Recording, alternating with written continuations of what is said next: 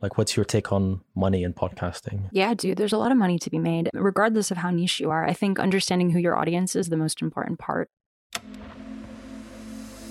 لما قلت أجندة خوفتني في الأول. و there's always like no على خاطر الناس بس أوكي من هم الناس. والإنسان اللي مش مطلع يسهل جدا إنه هو يصير لغسيل المخ هدايا Time مش بس money time is everything. 2011 developed depression. وفي نفس الوقت هو يدق قاعد يقول بقى حتى لو ما عجبتش يمشي يبلع. أي تشويس تاخده في كونسيكونس ممكن يضيع لك حياتك وممكن يركبك فوق. واللي كان يعذب فيا كنت نعرف علاش انه هو يدير فيه الموضوع هذا أنا عم بحاول بس إنه أوصل رسالة إنه ننتصر على ال... على الشيء الصعب اللي صار معنا بس هيك أنا متحمس أنتوا واتين يلا نبدو Welcome to episode 38 of the Miri podcast. I'm your host طارق الميري. This episode is in English. هذه الحلقة بالإنجليزي وحيكون لها ترجمة في موقع البودكاست demiri.ly بعد نهاية الموسم. Have you ever thought why podcasts are so popular? Are you thinking of starting one yourself? If you have, you're probably asking, how does one make money being a podcaster? I mean, really, is it worth it? I keep asking myself that question all the time, knowing how hard it is to be in this business. Anyways, podcasts, podcasts, podcasts. There are so many out there. And for a while, as a listener, it was hard to find good ones that cover real issues, whether it was narrative or conversational. Last year, I was over binging on episodes from the usual suspects, such as Radiolab and This American Life. After spending months doing that, I started wondering what is happening with podcasts in the region? Who's making the good shows? Who's covering our stories? What good shows are out there in Arabic? Many search attempts later, I found Kerning Cultures, a podcast network covering stories and issues from all over the Middle East, both in Arabic and English. Once I discovered their lovely basket of shows, I was hooked. Months later, I co produced a story on Bihub, one of Kerning Culture's most successful shows about love stories, not the typical kind. My guest today is Hiba Fisher, co founder and CEO of Kerning Cultures, the first venture backed podcast company in the Middle East. She's been producing stories with Kerning Cultures for the past four years. Previously, she built microfinance and business education programs for small businesses in the Gulf region and the USA. In a nutshell, what Hiba does, as she says, I tell stories with my friends for a living. This episode is like a masterclass in the business and craft of podcasting. You'll most likely come out of it with answers to a lot of your questions regarding podcasting and starting a business, simply because Hiba was generous with her insights, kind and honest about her experience. I'm excited. Are you ready? Let's do it. Hiba, how are you? Good. How are you? Quite excited that you're here. I have so many questions about so many things, but uh, in the same sort of fashion, this is a back and forth conversation, so don't feel that it is an interview in any way. I do scare some people off to say I come with an agenda, but uh, it is usually a cute agenda of trying to understand you more on a personal level and trying to understand the world that you come from in a nutshell. But before we do that, just to, I think, put us in a bit of a more reflective mode, do you mind listening to a bit of music? Sure.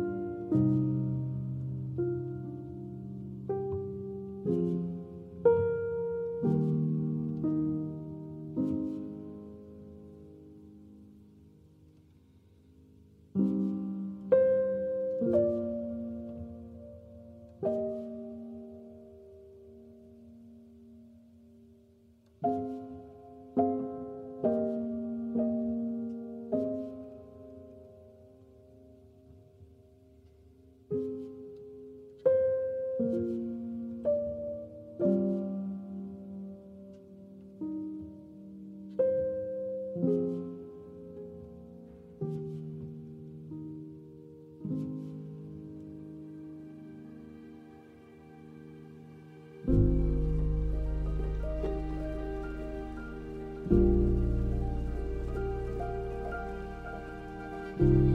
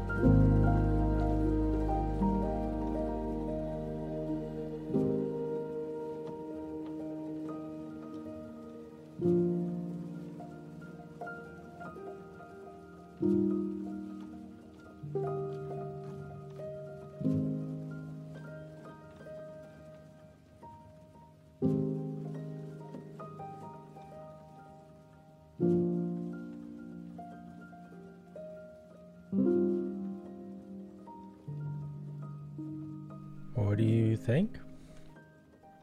It's a really beautiful piece. Starting with the song is a really interesting way to do that because now I feel like I'm here with you properly. CEO of the first podcasting network in the region. So, aside from all of this, like, how do you do introduction for Hiba? And you do quite a lot of gigs and quite a lot of uh, media in general. So, the, the gist of it, the three minute bit of it, what would you put in there? Hi, I'm Hiba Fisher. I am 31. I am Egyptian American. I am the CEO and co founder of a company called Kerning Cultures, uh, which is a podcast network um, that started out of Dubai and is now in, I think, seven cities across the region. And, and we do Arabic and English podcasts that are fabulous. You should listen.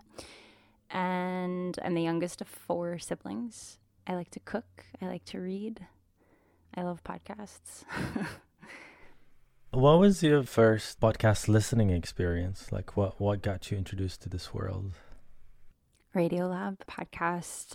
It's been around for I think upwards of 15 years, and I was introduced to it in 2008. Was the first time that I was introduced to it, and actually, a girlfriend of mine sent me an email with a link to one of Radiolab's episodes. I'm sure I had heard of what a podcast was before, but I'd never listened. When I saw that the episode was like an hour long, I closed the email and like didn't open it up again for months, I think, because who has an hour to listen to people talk? And then I did listen on a drive, on a long drive, and I fell completely in love. Um, and Radiolab has this really distinctive sound. Jad Abumrad and the team, they play so much with sound that I remember thinking how cool it was to hear how much fun somebody had at their job.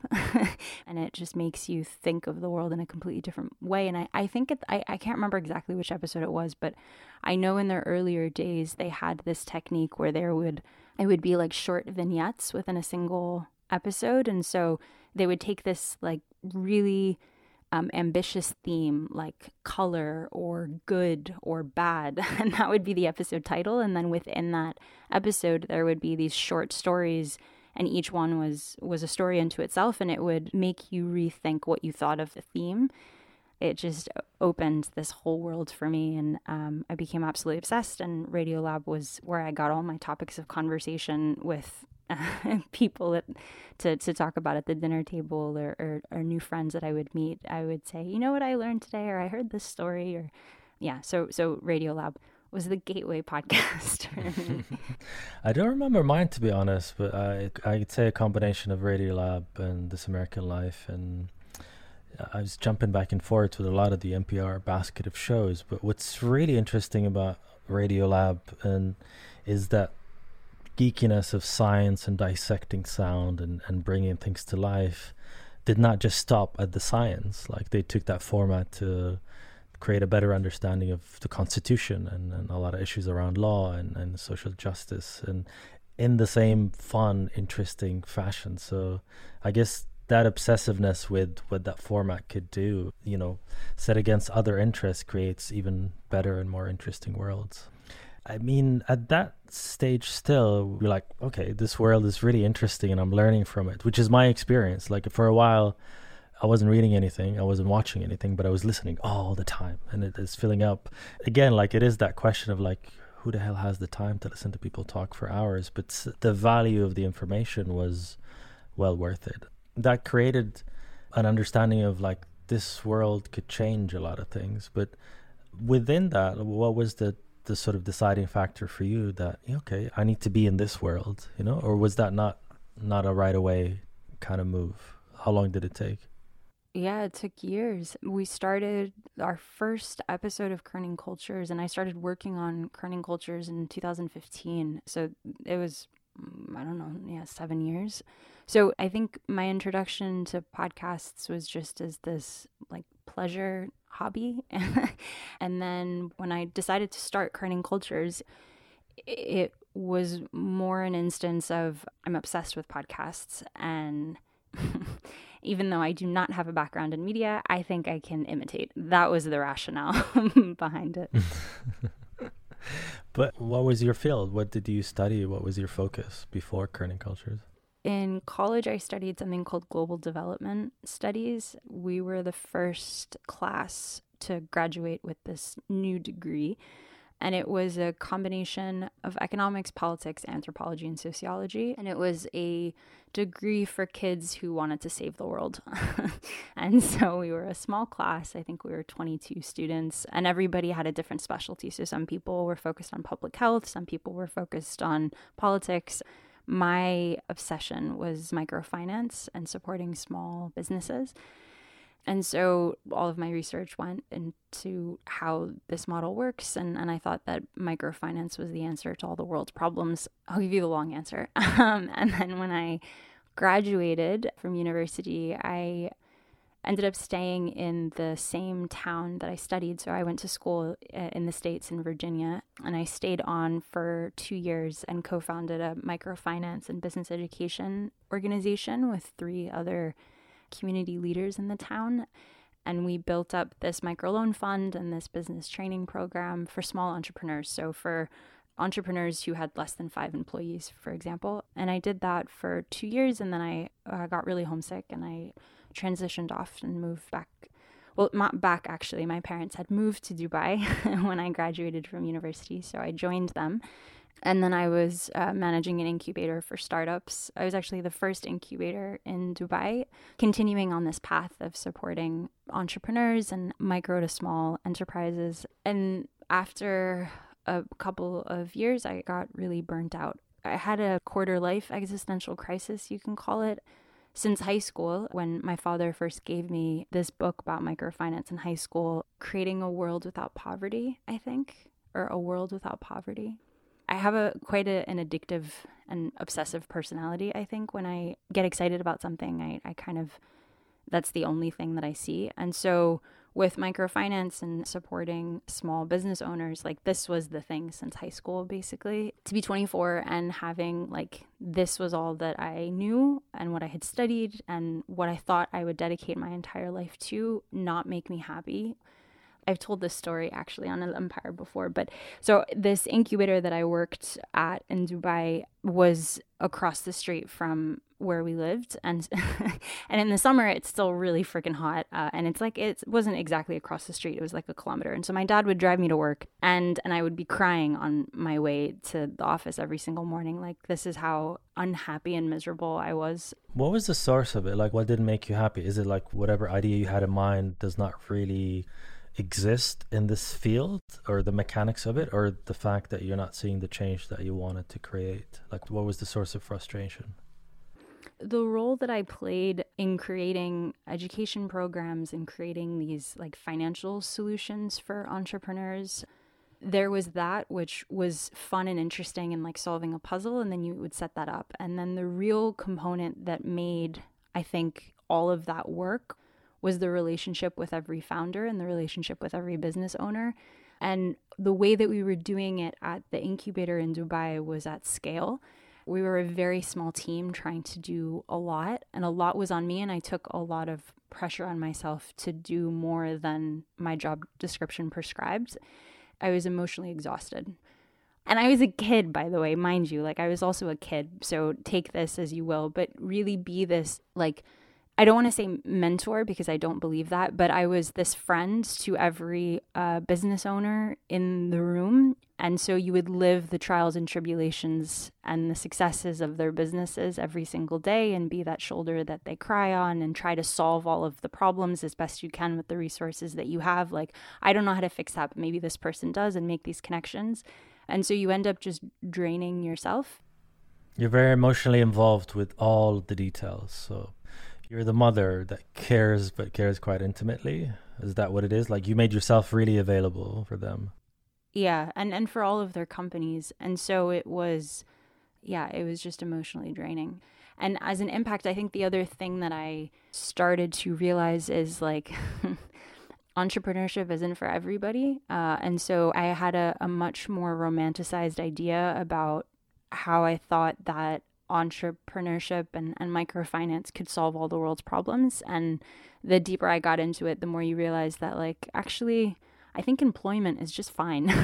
you know, just creating job opportunities and having people work for other people and they get a dedicated paycheck and they go home. Like the amount of risk and emotional grief that having your own company creates is not for everybody.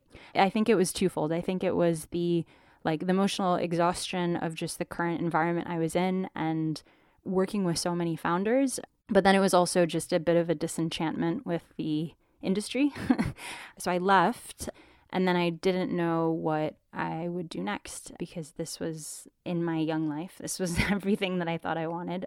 Your obsession at this moment and now, away from work, away from podcasting, what is it? What takes away your mind and your thinking on the weekends, on the afternoon that you do enjoy? Sailing. We haven't done a long trip yet, although um, my husband and I have been dreaming of what it would be like to sail around the world. But the farthest we've gone is like, I think, the, 70 nautical miles. Like, it's we haven't really done cross ocean at all. Do you need different skill set for that? You need a different boat and and a different skill set for sure. I, I like we haven't I don't even know what we would do if we were ever caught in a storm, for example. So we are not prepared for cross, for long distance sailing at all. But we started sailing, it's been about three years ago now, and we've taken a bunch of classes and we started to go out on our own about two years ago. And we've started to really get into the mechanics of the sailboat and learning about the engine and changing the fuel filter and things that like I've never looked under the hood of a car. I have no idea how half the machines have how all the machines in my house work, but this is the first thing that I'm learning how something works and it's really really cool. I know you said you get obsessed with things and right away like you create a time and focus for them. But what was the sort of the beginning of of this rope of addiction to sailing or obsession? It was Mahmoud's urging actually. So my father's grown up, he's grown up as a sailor. I mean, he's grown up on around boats his whole life. And so raising us, we've always gone out with him sailing, but he'll just tell us what to do and I'll just do it. I, have never really paid attention to how it all works. And then Mahmoud, uh, my husband, three years ago, said like he signed us up for sailing lessons. Um, it's actually the first experience I've had out of college where like you really learn like you're in a classroom setting and you know there's exams and there's practicums on the boat and it was so much fun and then خلاص يعني we just we both got infected with it and, and now we're now we're both I think he's a bit more obsessed I mean he's constantly reading forums and on all of these groups and watching videos and stuff I think he went a little bit farther into it than I have but it's been such a pleasure. And we did the longest sail uh, this summer. We went out for eight days together, and there's a bunch of I had no idea about this before moving to Seattle, but there's the cluster of islands off the coast of Seattle towards Canada that are just absolutely stunning. And so we went uh, hopping from island to island. And you just cook on the boat and you go crabbing. And we tried to fish but failed. And it, it's just, it's amazing. It's such a wonderful life. Yeah. within my agenda, I'm really trying to understand how companies work and how startups work and how entrepreneurship is done in the region. And I'm having these conversations with friends of mine and a particular friend of mine who are thinking of starting something. But to me, I'm far away as possible from this world. It freaks me out.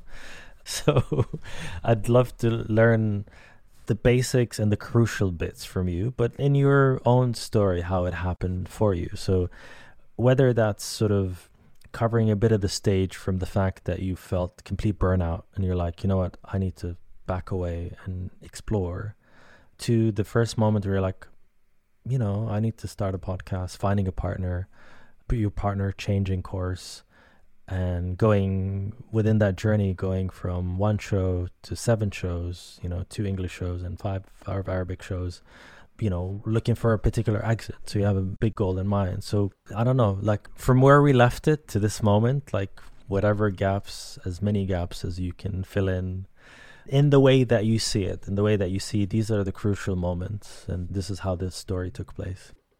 So when i was having my quarter life existential crisis which is such a luxury by the way like i just want to pause and say that the fact that I think our generation, probably later generations, but you have this notion that your work should fulfill you, which, like, I don't think our parents and older, whether it was the luxury for it or the care for it, uh, but I think it was more the luxury of, I mean, you just worked to make money, right? Whereas I was in a place of privilege where I, I lived at home with my parents. Uh, you know, my crucial food and shelter were covered. And so I had this space to be like, I need to do something that is meaningful. So just, I, I want to like acknowledge that because I think a lot of a lot of entrepreneurship that you'll find the world over is coming from a place of privilege and luxury. A lot of it isn't, and, and a lot of it is. And so just recognizing both.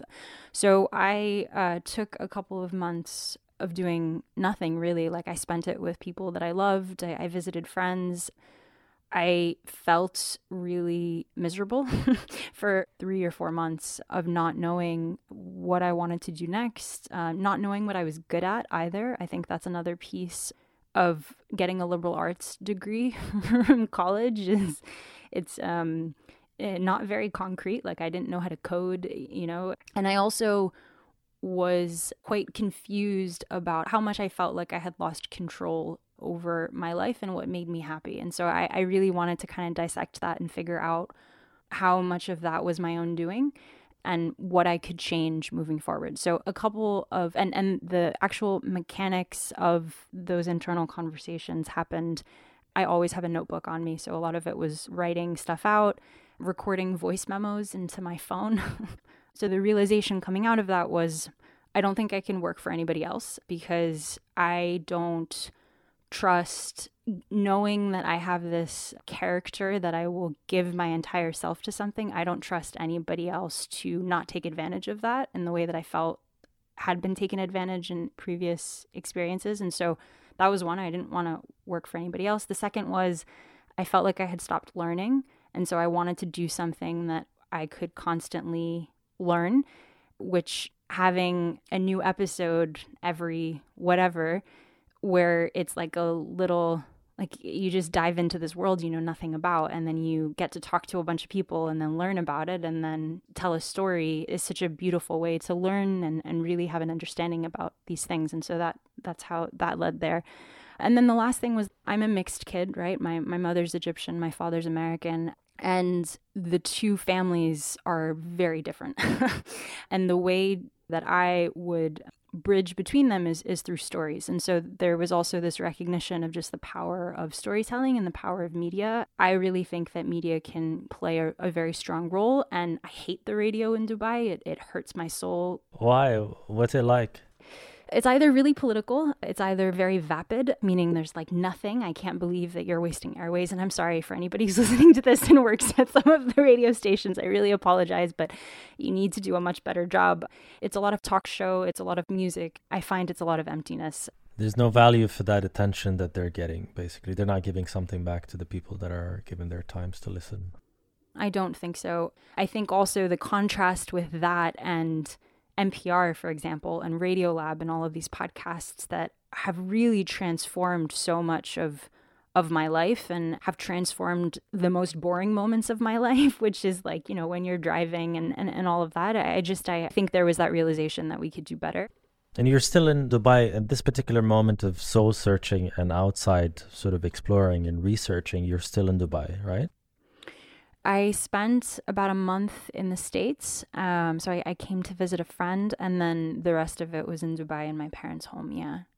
And it kind of all converged around MIT Arab Enterprise Forum. It's an annual event where they'll bring entrepreneurs together from all across the region. And in my year, they'll put you on all in a hotel for five days, and then there's there's a competition at the end of it and a series of workshops. And you apply to be a part of this, and it's this big competitive pool, and whatever they select a certain number of people to be a part. So all of this kind of soul searching and, and thinking about what I wanted to do next, it all converged in this idea of starting a podcast, and that's to your question of how companies get built, the early iteration of Kerning Cultures was much smaller, right? So it was it was this idea of one show And it happened that this MIT Arab Enterprise Forum was happening, I think, a couple of months later. And so I applied. And as part of the application process, you had to fill in what they call a business model canvas, which is just a one page business plan. And the value of that exercise is just to start to put down on paper exactly what this idea of a company is. And so thinking about who the target customer was, thinking about how you're going to make money. And yeah, so I, I think that was turning point number one was just putting these ideas on paper. Turning point number two happened at the actual event. I didn't win anything at the competition, but the guy who was recording, he was videotaping the conference for media, ended up being our first sound designer. And so he and I would go off to the side of the conference and get into these long conversations. And I knew nothing about audio. We just have these long talks. And then I said, well, why don't we work together? And we still work together. I mean, he he's incredible. He taught me so much about audio. He taught me what equipment to get, what recording gear to get, how to edit. Yeah, so, so that was a big milestone, I think, when you start to build the team. And and honestly, I think this entire idea of kerning cultures, like we wouldn't have the reason that we started to grow in terms of having more producers and really become something was because Ramzi and I had worked on these first couple of episodes together and we released them. And so there was something for listeners to listen to.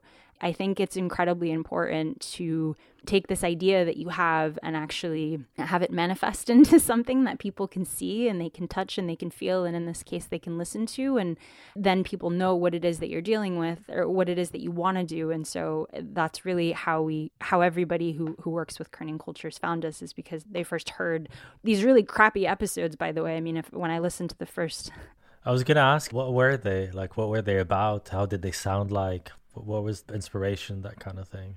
They're still on the Kerning Cultures uh, show feed. So if you scroll all the way back to 2015, you can hear them. They're really bad. Um, the first three episodes were about entrepreneurship, about, you know, stuff that I knew. And the sound is very different and the audio quality is terrible. Uh, and we didn't know what we were doing. And the way that I talk is so bad. The narration is terrible. But it was something that people could hear and then really understand what it was that we were trying to do. And so that's that's how we like we got alhamdulillah really really lucky with the team and the people who joined early on who are who are still with us. And it, i mean it i think it's really important to actually build the thing that you want to build in the smallest iteration of it because that's how you'll get to the next step. Since we're on a little break i'd like to share something with you the production of each episode of the miri podcast takes about five days and a great effort from a production team consisting of four to eight people. If you love the Miri and would like to be part of the journey and help support it grow, please subscribe to Patreon. Your membership fee will take care of important production costs as well as help the Miri develop and reach bigger audiences. Membership starts from as little as $2. Subscribe via patreon.com forward slash TLMiri. That is P A T R E O N dot com forward slash T E L M E R I. You can also click on the link in the description of this episode. Thank you for being part of the team. There is this feeling to me that you see what it is you're aiming for, which which I do not from my angle. Like I, I don't know how big this thing could be. I don't know what the next step is, but because you you build it and and I don't want to say the classical fashion of a startup, which you know you you bring something to the world that solves a problem that does not exist, in the hopes that someone sees that and they're like, yes, we see your dream, we're gonna make it bigger. Ta-da! You're granted. There's so much struggle to get to that stage. So, what are the expectations of those stages, and what have you experienced? What were the struggles, and what is the step that you're on based on the progress that you have in mind or sort of the steps to get to the goal? I would say the mission has always been consistent and that that's been defined from day one. Everybody who joins kerning cultures joins for the same reason that we want to make radio we want to make stories that we're all really proud of and tell stories that we actually care about and that are exciting and pull at our heartstrings and make us laugh and make us cry and, and bring us all closer together because as you said there's something about sound that's just really intimate in, in such a beautiful way so that that's always been consistent i would say the vision of of where kerning cultures as a company can go is an iterative vision. I mean, sketching out the idea of KC on that business model canvas for this startup competition about six years ago was, was not the same thing, right? And I think the deeper you get into something, the more you try things, the more research you do about the industry. Like, I think that's one of the things that I, my dad is the one who, who told me this. You know, if you, if you dedicate 20 minutes a day which I don't think I do on a daily basis. But if you dedicate 20 minutes a day to reading about a subject area that you're interested in, then within a year, it's about the equivalent of reading 60 books, right? And you are an expert on the topic and nobody can tell you otherwise. And so this is something that I take very seriously is learning about the podcast industry as much as I can. Over the years, I spend a lot of time studying the industry and the more that you learn it, the more that you understand it and the more that you can understand your place in it. Um, and so, this grand vision that we have for Kerning Cultures, where inshallah we're building this media empire, we want to grow to, you know, dozens and dozens of shows underneath our network and reach millions of listeners across the region, and then eventually get acquired by Spotify or Deezer for, inshallah, a ton of money, um, and then continue to do the storytelling piece within their frameworks. I would say we've probably been holding on to this vision in the past two years, for example. So, I think the clarity of, of what you're building continues to evolve the the more that you learn about the space and company itself. In between, from now till that dream comes true, and this is the struggle I'm in, the struggle of everyone asking me that is inspired by your shows or one of my episodes. They're like, okay, Tarek, I get it, I love it, I'm bought in, but if I start my own podcast tomorrow, where do I make money? How do I make the money? Uh, obviously, it's a different track for you. You're not really thinking of that now, but also there is ads and there's the potential for other type of products to tag along into this. But realistically, for for the smaller shows that, that want to talk about you know something local, or for the shows that are kind of covering a major issue on the region, and you being the person who is consuming and researching and, and the expert on the podcasting within the region, is there money to be made if you're a one show? Is there money to be made if you're a local show? or does that is not in the formula right now, but it will be? Like, what's your take on money in podcasting? Yeah, dude, there's a lot of money to be made, regardless of how niche you are. I think understanding who your audience is the most important part. And so, something that we do at KC is uh, we'll interview our listeners on a regular basis. And so, that's one way that, that you can get to know what they want, why they listen, what they're interested in, uh, what they want more of, what they want less of. I, that's always been a core part of how we do things. And I think it's very, very important. And so I think in terms of the, the monetization piece, uh, there, there's a number of different ways. So the business model of, of a podcast or a podcasting network is the same. So you could sell ads and regardless of how big your audience is, as long as you know exactly, as I mentioned, who they are and what they want, then you can tailor messaging accordingly to them. And so you can approach brands that want to reach those listeners and you approach them and you tell them, I have X number of listeners. Would you like to talk to them through an ad that you pay me for. And uh, and you could have it be a one-off. You could have it be a full sponsorship for a season for example. You can license the rights of your stories. And so you can sell the rights to air on radio on other podcasts.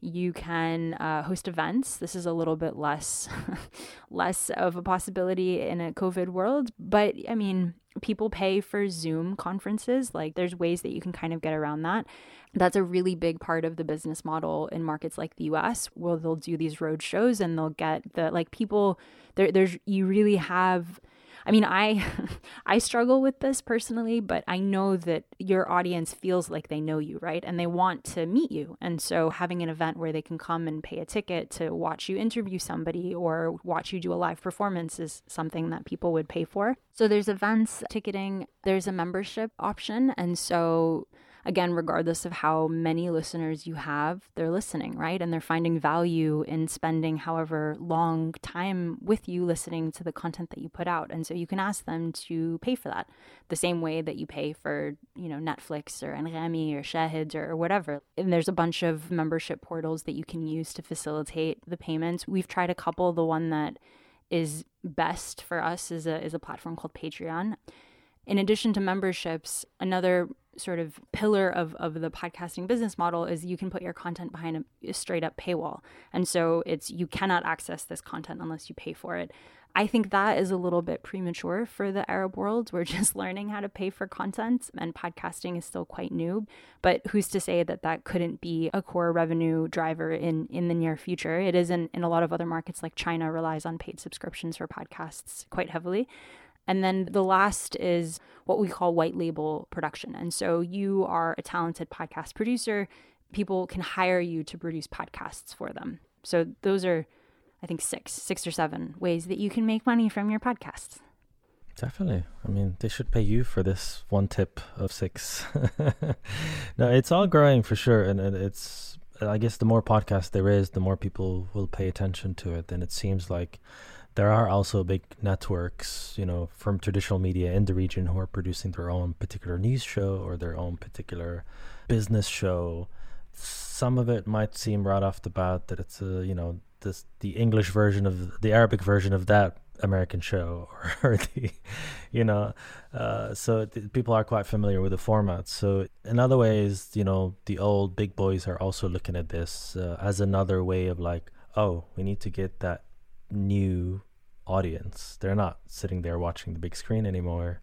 They're too distracted in the social media. Where's the depth that we can grab their attention? So in a way, it's coming full full circle, and it's quite apparent. But at the same time, I don't know if you see this as well. Does it still feel like early days, or is it a couple of steps ahead of that when it comes to podcasting in Arabic in the region? I don't think it's early days anymore. Early days is when we would walk into a room and people would say, Shu Yani podcast. It's not like that anymore. I think it's growing really fast. I think it's a known medium. I think we have a long way to go in terms of the what they call penetration, so the number of listeners in the region. I believe in this medium. Obviously, I'm dedicating dedicating my time to it and helping, inshallah, to, to build out the space so I don't think we're early days anymore. I would say we've we're starting to crawl. we haven't like we're not walking or running yet, but we're definitely crawling. My question now and here is how do you do it? You know, living in Seattle, leaving Dubai, how do you work with teams from all over the world, located all over the world with ridiculous time zone differences? to create seven shows and manage a variety of seasons together. Like, how do you do it? Is the question, you know? The really wonderful thing about podcasts is that you can do it remotely, right? The the physical audio file is quite lightweight. and so transferring across computers is really easy. All of our stuff is in Dropbox and Google Drive, so we use the cloud for everything and and you can with uh, some of the audio editing softwares, you can even be working on the exact same session, uh, right? We use a lot of collaborative tools, a lot of collaborative cloud tools for for that physical work. This wasn't our intention by any means. I mean, when we started Kerning Cultures, we were all in Dubai together and then we all kind of scattered. I got married. My husband lives in Seattle, so I still go back and forth regularly. Yeah, it's just this thing that happens. And then when we realized that we were good at working remotely, then it didn't matter when we hired people where they were based because we knew that we had a good working relationship regardless we have regular team calls and so the the constant check-in is really important to build that sense of of a team and and it is quite extraordinary mean, there's a couple of people on the team that I have not met in real life. it's crazy actually to, to, think about. But uh, you can really create deep, meaningful relationships in in modern society with the technology that we have at our disposal. And then from a practical standpoint, I mean, we're a startup. We're all hustling really hard, and and actually the fact that we're across six different time zones is to our advantage. It means that as a company, we're literally working like 24 hours a day, six days a week. So, from that perspective, it's really good and it actually helps with the production uh, cycle because one person goes to sleep and hands it off, and then the next person picks it up. I mean, I guess everybody does now because the world is still working remotely for the most part. But for for a while, I mean, you do feel like you lose out on on the spontaneity of conversations. You can't turn around and you know go f- grab a coffee with your colleague. Like we, we don't have that opportunity, and and I know that's critical. And one day maybe we will converge a little bit more in in certain cities. I don't know, but for now it it's working well, alhamdulillah. And, and we try to meet as often as we can in physical real life, which is always treat and i find like you end up touching people's faces a lot and you're like oh my god you're real so yeah uh, if, if i was into conspiracy I, I would say you guys got tipped off about covid years ago you designed your systems to be covid compatible and futuristic so I don't know what else you know, Hiba. I'm quite suspicious, to be honest. It's safe to say that COVID did not change much for you guys' day to day in a way, which is positive, which is really good. So you're making the best of it, even though still it kind of drains everyone out and, and kind of changes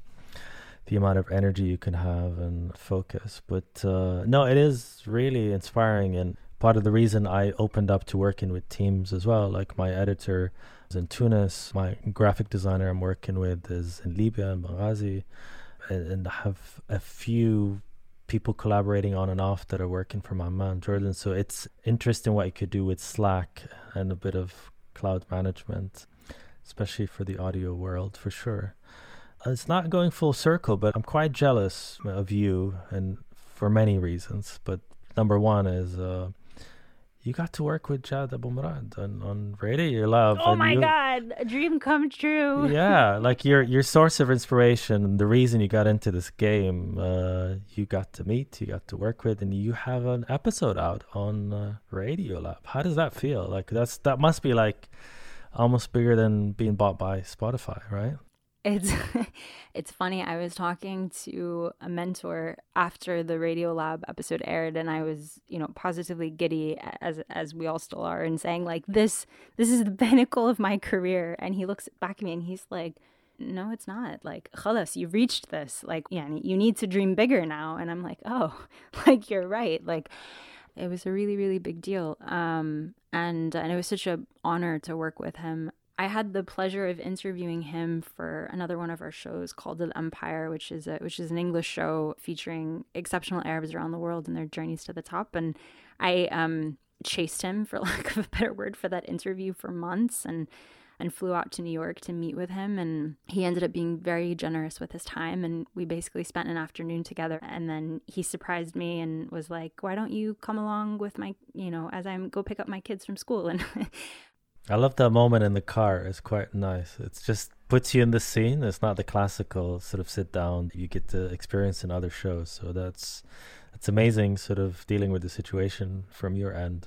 I was very flustered that day, like so flustered. I wasn't prepared for an on the move uh, interview at all. I think from that day of spending a bit more time uh, with him, like he's certainly been a big part of my life but like he didn't know who i was you know and then and then uh, a couple of months later he messaged to say that he was listening to Kerning Cultures, which I like peed my pants, frankly. that like like what? And uh, and you know, loved that episode that Alex did of, of Lebanon USA and, and wanted to do something together. And then getting to see a little bit of the behind the scenes process and how they think about stories can't believe it. Like I know that it happened, but I can't believe it. And and that's just I think part of my personality is I don't I don't know this this sounds a little bit morbid. I think it comes from a place of humility maybe that like I just don't believe the good stuff, you know? Like I I know that it's there, but I just I like don't believe that it happened. And then I think to have this guy who's been such an icon and a role model and like everything we do is an effort to try to be like him to have him not only know that you exist but also like your work it's everything really it's everything. And now it's a little tidbit that i drop in all conversations with like with clients or investors of like oh yeah you know our stuff's on radio lab. Well well well earned. It was it was a long journey to get there and it's nice that there's there's so much to do and so much in your list of goals to achieve that you're you're not distracted by the one. And um it is so weird right? When you get to do it when you get to achieve the things that are on your list like it's even though you are in the moment and you're reflecting on it but it's still something about it feels like is this it is this not it and uh, i don't know if it's that mentality of you not being so observed of like yes this is me i've done it is is an important factor for you to achieve more or if it's just this sort of over analytical character that I do share with you. Like a lot of the the milestones that got achieved in the way of this, I'm I'm not completely absorbed by because I, I know that's the end of the line. If I'm stuck there, I'll just be stuck there for a long time. One thing that is really interesting and inspiring is sort of not just the remote management of what you do, but your ability to do stories in complicated spaces and, and challenging situations from the outside. Does that change the perspective? Does that add to the presentation of it that you come in with? As you mentioned, you're a mixed kid. Uh, a lot of the team is outside. They're looking at it from the lens of the audiences that are maybe curious or really interested in the Middle East or the region. It's sort of having these multiple layers of seeing that world does that add to it or does that make it distant? Does that make it unique? How do you perceive the storytelling aspect? A couple of answers to that question. So the first is i would say that sometimes we do stories that were very much our stories as well. And so not all of what we do is something that we don't really know a lot about i think that's a powerful place to start a lot of the stories that we'll do are very deeply our own stories told through other uh, guests and characters who who who give us the the honor of their time and, and their heart. I think that to your question, so this is something that actually I feel like this is the Jad episode. This is something that that Jad has has articulated that really resonated with me, and it's something that I do think about in this instance of being from somewhere but not really from somewhere gives you enough empathy that you can ask all the right questions and really get deep into a conversation. But being not from there also gives you this more zoomed out view such that you can really you can tell the story well if that makes sense and i do think that that is the mode of every good journalist is that you are close enough that you can understand what's happening, but not so close that you're so embedded within it that you can't see the forest for the trees in, in the conversation that you're happening, or be thinking about how the listener is going to perceive this, um, which is always like top of mind in every interview we do is like I hear what you're saying and I'm thinking about how is the listener going to hear this and do I need to ask a follow-up question or or whatever it might be. So I think that having that kind of being close enough but not too close is really important and for us to be doing stories from all across the region. Like we've done stories in, in Tunis and we've done stories with you in Libya. And, you know, I, I've never been to either of those countries. And I think working with local producers really helps have that sense of empathy. I think we're all Arab at the end of the day. And so there's like a common thread of, of empathy across, I think. I think you need both. And I think that the stories that are the hardest and the most personally gratifying are also the ones, uh, the episodes that we do that are really our own stories as well. So I'm thinking of of a couple that we've done over the years that, that hit very very close to home, and I think to have a platform where we're able to really unpack these issues and then share them with our audience is is really quite extraordinary. No, I think it's it's quite an interesting insight because it's uh, it is almost the the beauty of having the best of both worlds. You're an insider that has a an insider, an outsider lens. You know, you, as you mentioned, you, you're close, but you're not stuck in the middle of it, drowning with the details. You're able to explain it further.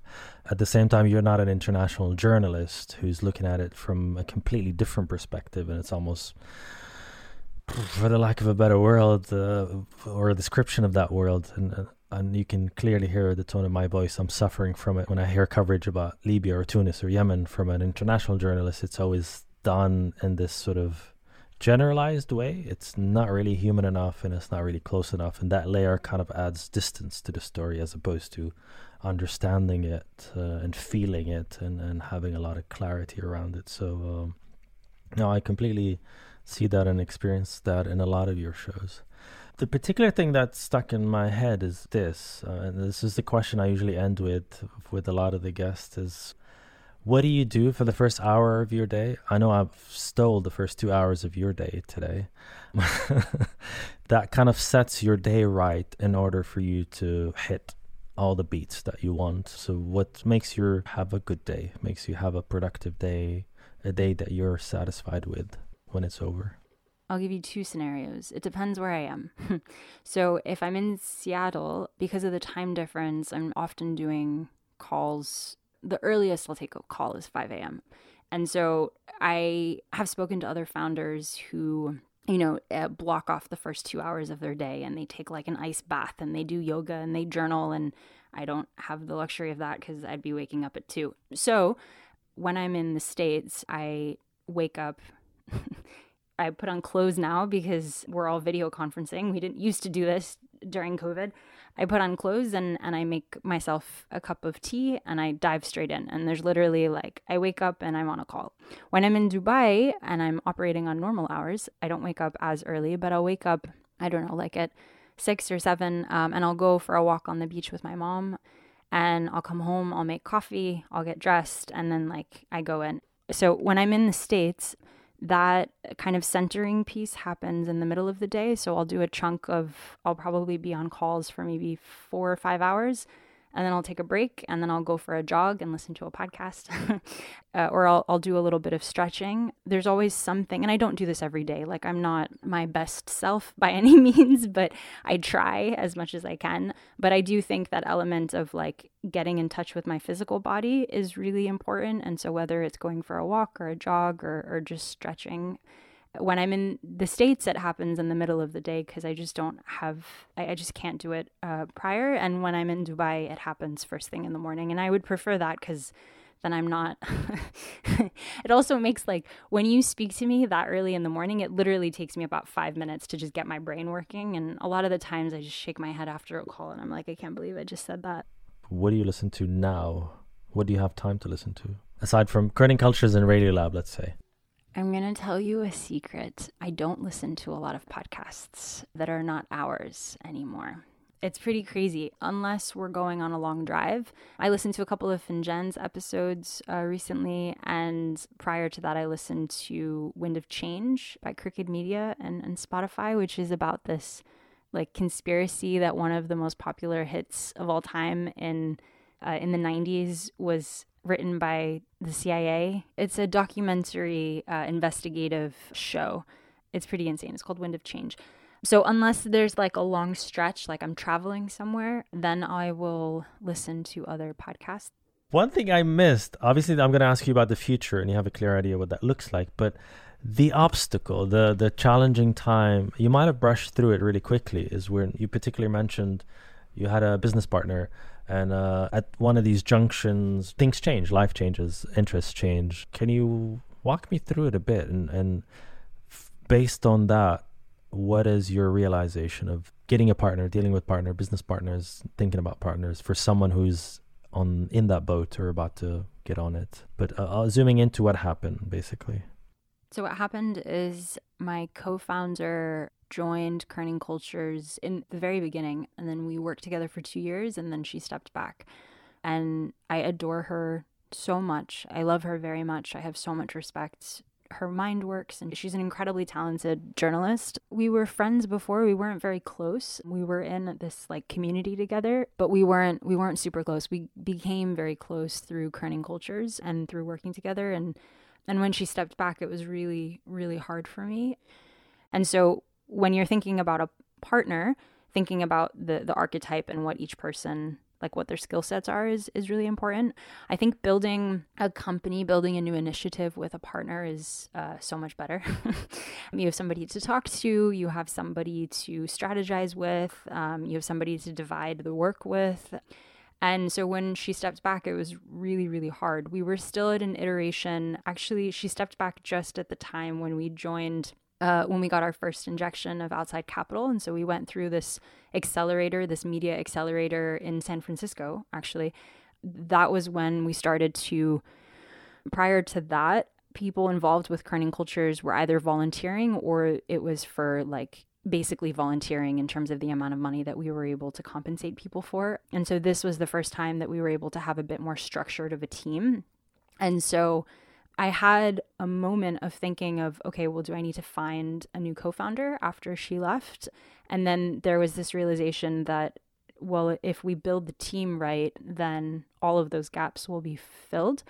And so that that was the choice. And alhamdulillah, it's been working fine. I will say, like, I miss her a lot, and I still I still reach out to her, and she's been something of an advisor, I would say, over the years since. And so I I think there is a, a component of when you have a partner, you can talk about some of these high level strategy decisions in a way that is a little bit harder to do with the whole team. I think as company culture, we're extremely, it's a very flat organization and everybody is involved in decision making in general, but there's certain things that, you know, it's, it's just good to kind of talk through. And, and so that part is missing. I, I've turned to my husband.